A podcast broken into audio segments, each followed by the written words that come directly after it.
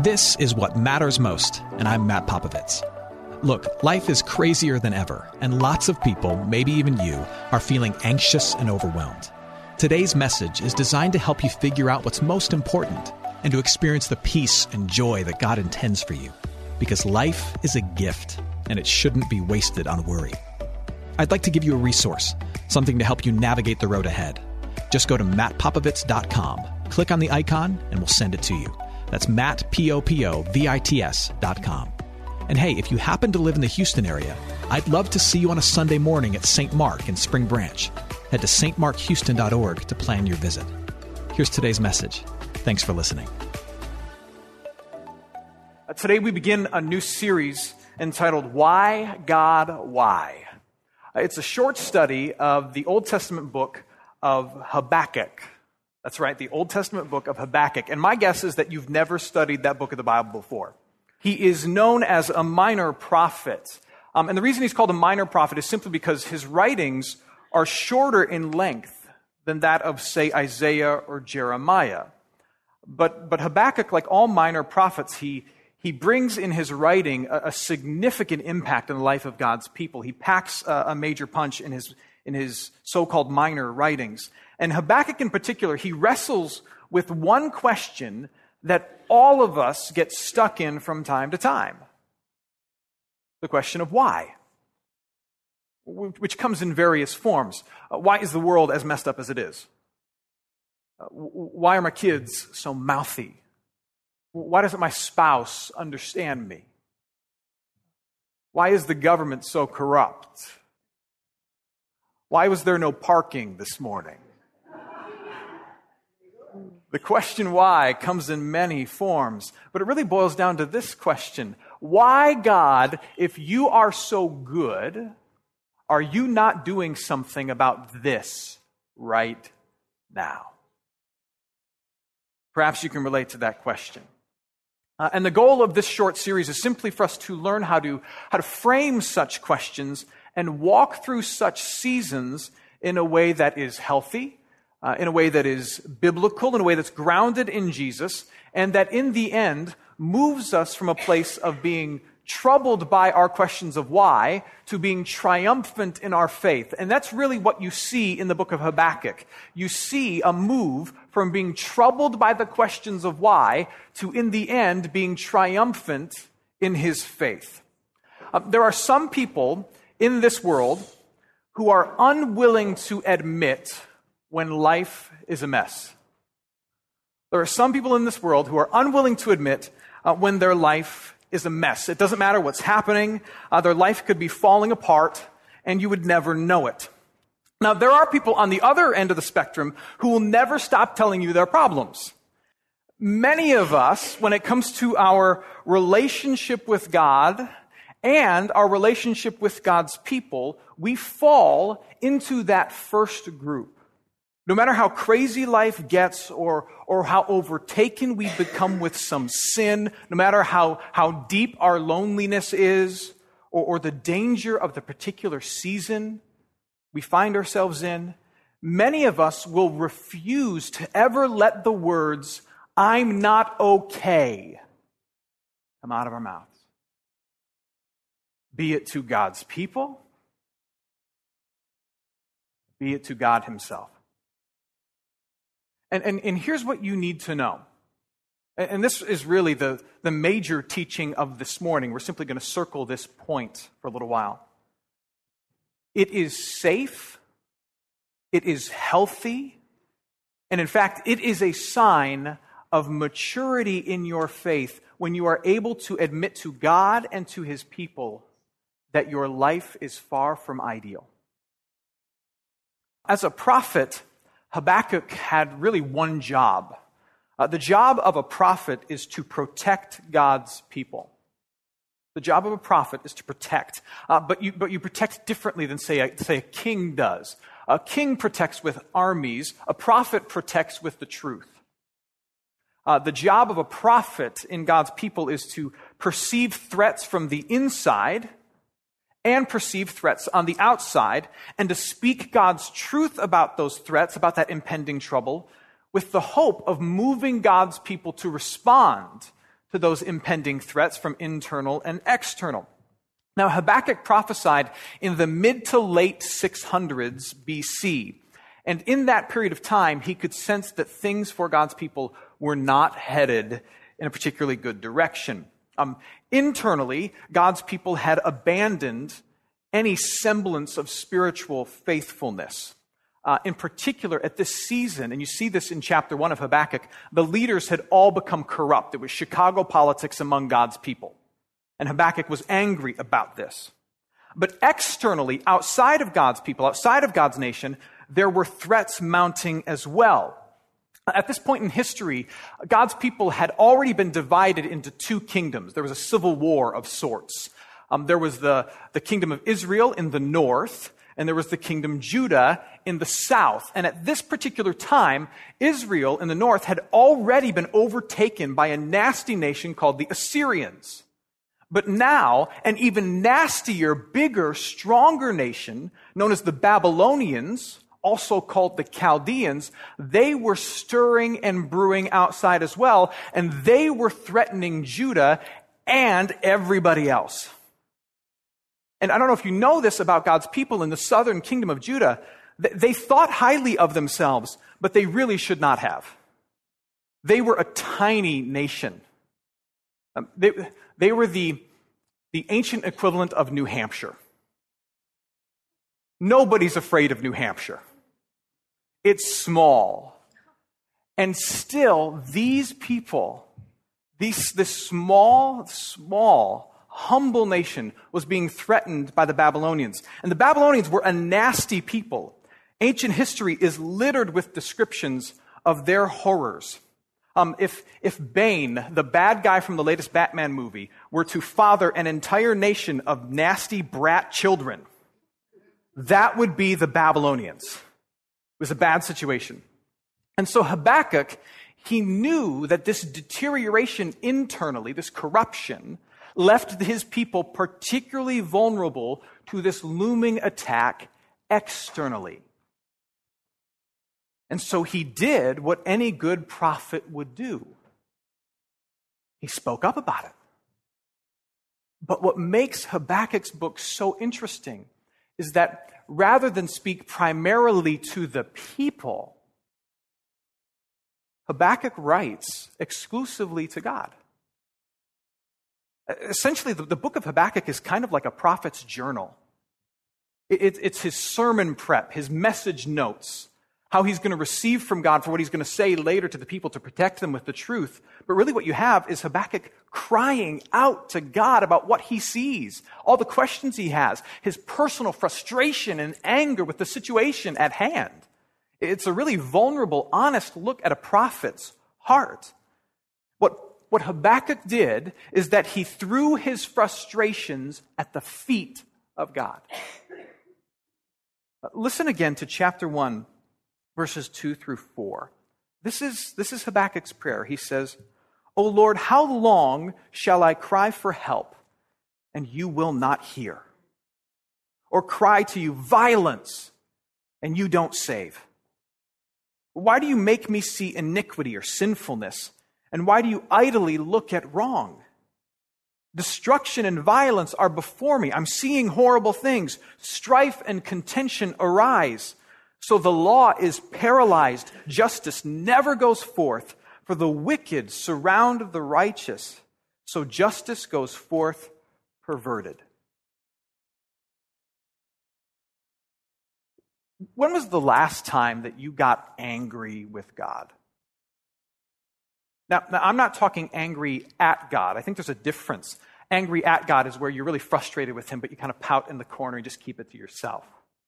I'm talking angry with God, where you actually express your frustrations to Him. Uh, in, in, in, a prayer that just extols all of your angst, uh, in words that, that, outline all of your worries. Uh, on a Sunday morning in worship where you're singing praise to Him, yet there are tears running down your eyes because you've got issues with Him. H- have you ever done that? But that's why I love this prophet. Because this prophet reminds us that it is safe for us to wrestle with our whys and that we are free to respectfully yet honestly throw our frustrations at the feet of the Father, which, by the way, is a true dynamic in any healthy relationship. In a healthy relationship, and our relationship with the Father is healthy, He's a good, good dad. But in any healthy relationship made in the image of God, you should be safe to open your heart and express your frustrations and talk about what's bothering you without fear of repercussions simply for articulating what's going on in here. That's a safe relationship. Maybe you play unfair games with God. Uh, the same game, perhaps, that you play with other people in your life, other relationships. Uh, where when you are deeply frustrated, rather than say what you are frustrated about or why you are frustrated, you simply wait for the person who's made you mad to figure it out, to notice it, and to drag it out of you. What mature people do, what mature followers do, what Habakkuk models for us, is that they don't sit silently and wait for the other to notice, but they speak up and they express what is going on. They express their questions, they express their fears, they express their concerns. And that is not only true in earthly relationships, but particularly true in this relationship up here. He throws his frustrations at the feet of God. Now, some people at this point uh, will, will say things like this um, uh, Pastor Matt, I, I, understand what you are saying, that, that, that when we have questions and when we're bothered by the world around us, we should, we should not hide these things, that we should say these things to God. But, but my question is this what's the point? I mean, you've taught that God is omnipotent, which means he knows everything, so he knows what's on my heart anyway. And you've also taught, and the church has always believed, that God is sovereign, which means he's king of all things. So no matter what I say, if I say it, he's going to do what he wants anyway. So why should I speak up? There's two reasons why we should speak up. The first has nothing to do with God, but everything to do with you. It is dangerous, yes, dangerous, for you to keep your frustrations and your questions hidden away. Uh, it's dangerous for a number of reasons, but particularly because when you do, three things build up anger, shame, and accommodation. Anger, shame, and accommodation when we keep our frustrations and our hurts locked away. We begin to get angry that it hasn't been answered, and that boils up in us like a steam kettle. We begin to feel shameful that we're struggling with this and we haven't found a solution for it. And lastly, perhaps most dangerously, we begin to accommodate this issue in our lives. We figure out a way just to live with it and put up with it and never deal with it. And as those things grow anger, shame, accommodation space also grows between me and the one I'm not talking to about it. Always which makes silence about your questions and your doubts and your frustrations dangerous. Second reason you should speak up and you should articulate these things to your Father in heaven is that God has promised, despite what we think He knows about His, we know about His omniscience and His sovereignty, He has promised to hear us and respond to us. He has promised to hear you and respond to you. If you don't believe me, listen to what Jesus says. Uh, these are some of the most comforting words I believe that Jesus speaks. Matthew chapter 7, verses 9 through 11. He's asking a rhetorical question here. He says, Which one of you, if your son asked you for bread, would give him a stone? Or if he asked for a fish, would give him a snake, a serpent?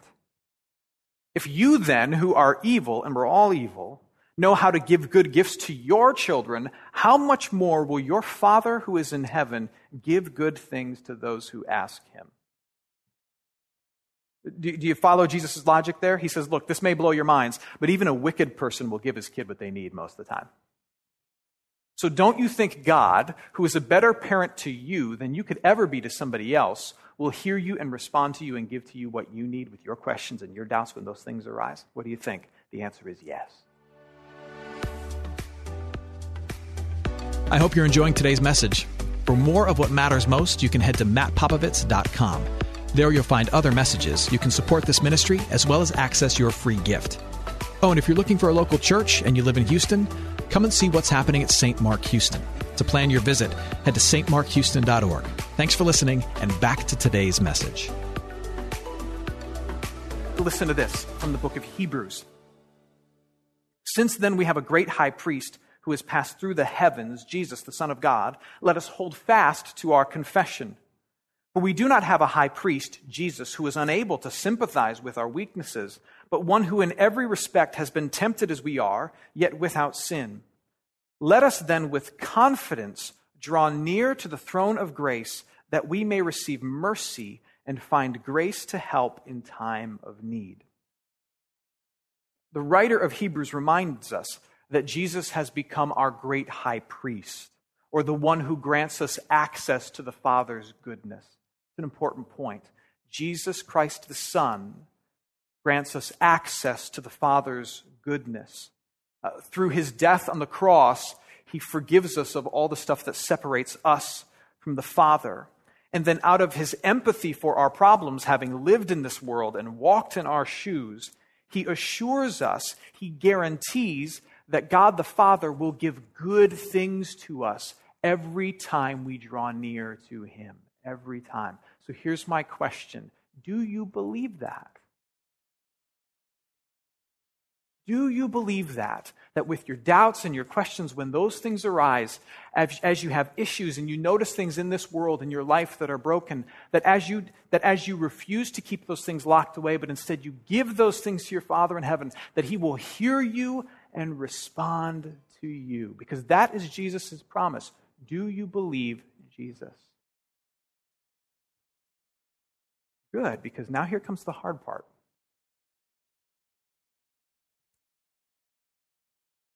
Having called out to him, there's only one thing left.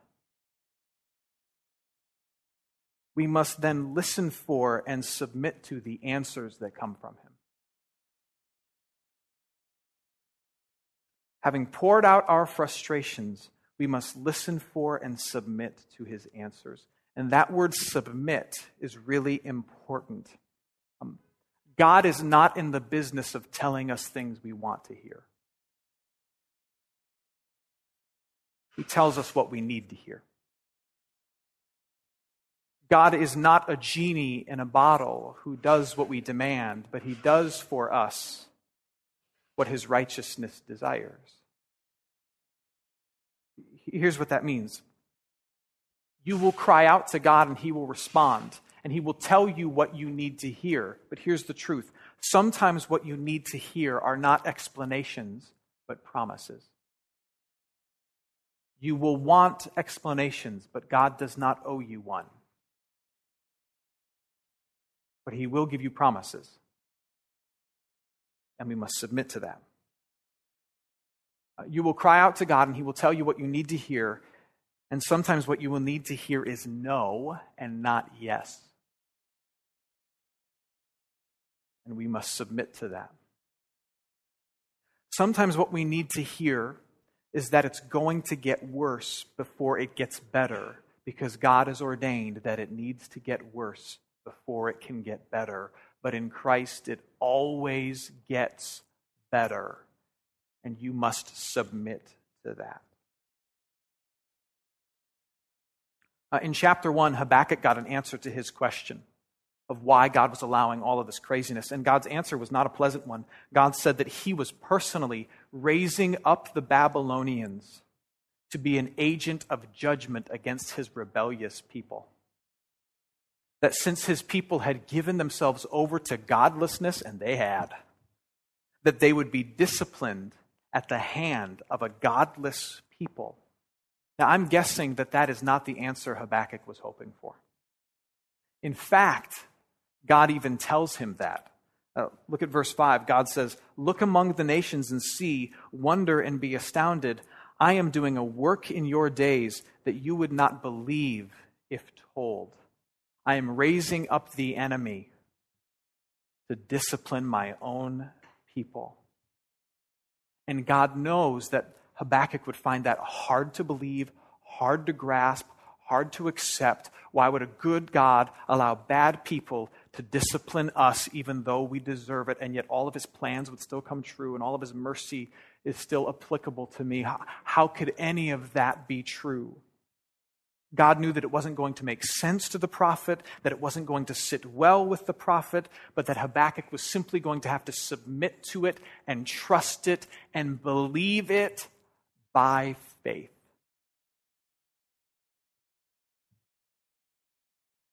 Submit to it and believe it by faith. And that can feel impossible.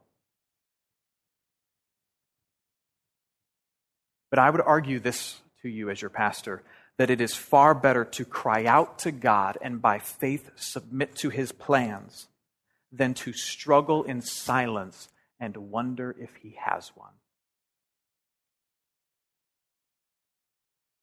It is better to cry out to God and submit to his plans by faith than to struggle in silence and wonder if he has one. I said at the beginning that, that Habakkuk's name is strange, and I contend that it is. But as strange as it sounds, it has a beautiful meaning. Uh, in Hebrew, uh, the name Habakkuk means to embrace, it means to hug someone. Literally, his name means I'm a hugger. That's what it means. It means to embrace in order to console. Perfect name for a prophet. Uh, but it's particularly perfect in the context of this one writing that we have from him. Because what we see in Habakkuk is that he was unafraid to embrace the problem, embrace the questions, but in doing so, to embrace God as well and give them to him.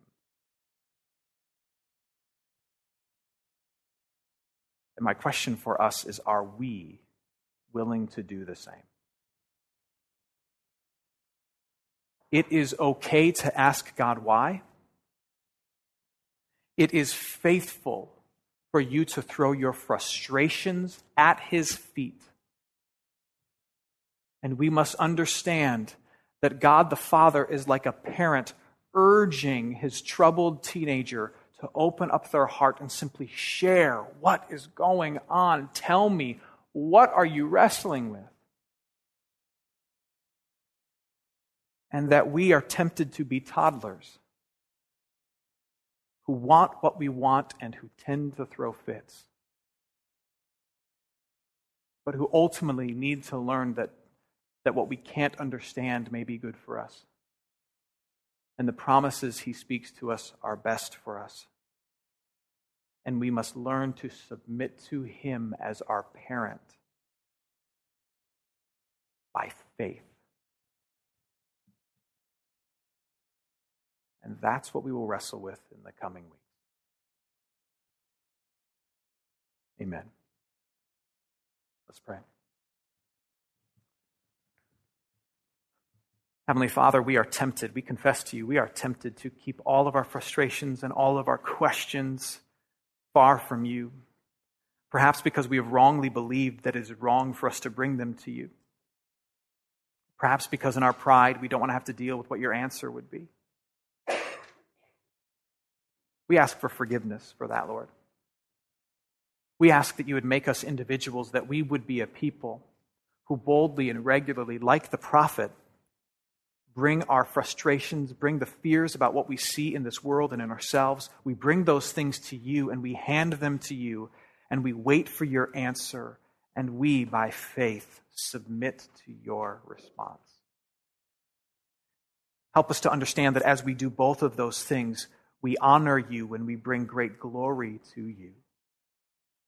We thank you that your Son, Jesus Christ, has granted access to us to offer our issues to you as your children through his death on the cross. We offer all of this in Jesus' name. Amen. Hey, it's Matt. I hope you enjoyed what matters most. Here's what I need you to know life is a gift, and it shouldn't be wasted on worry.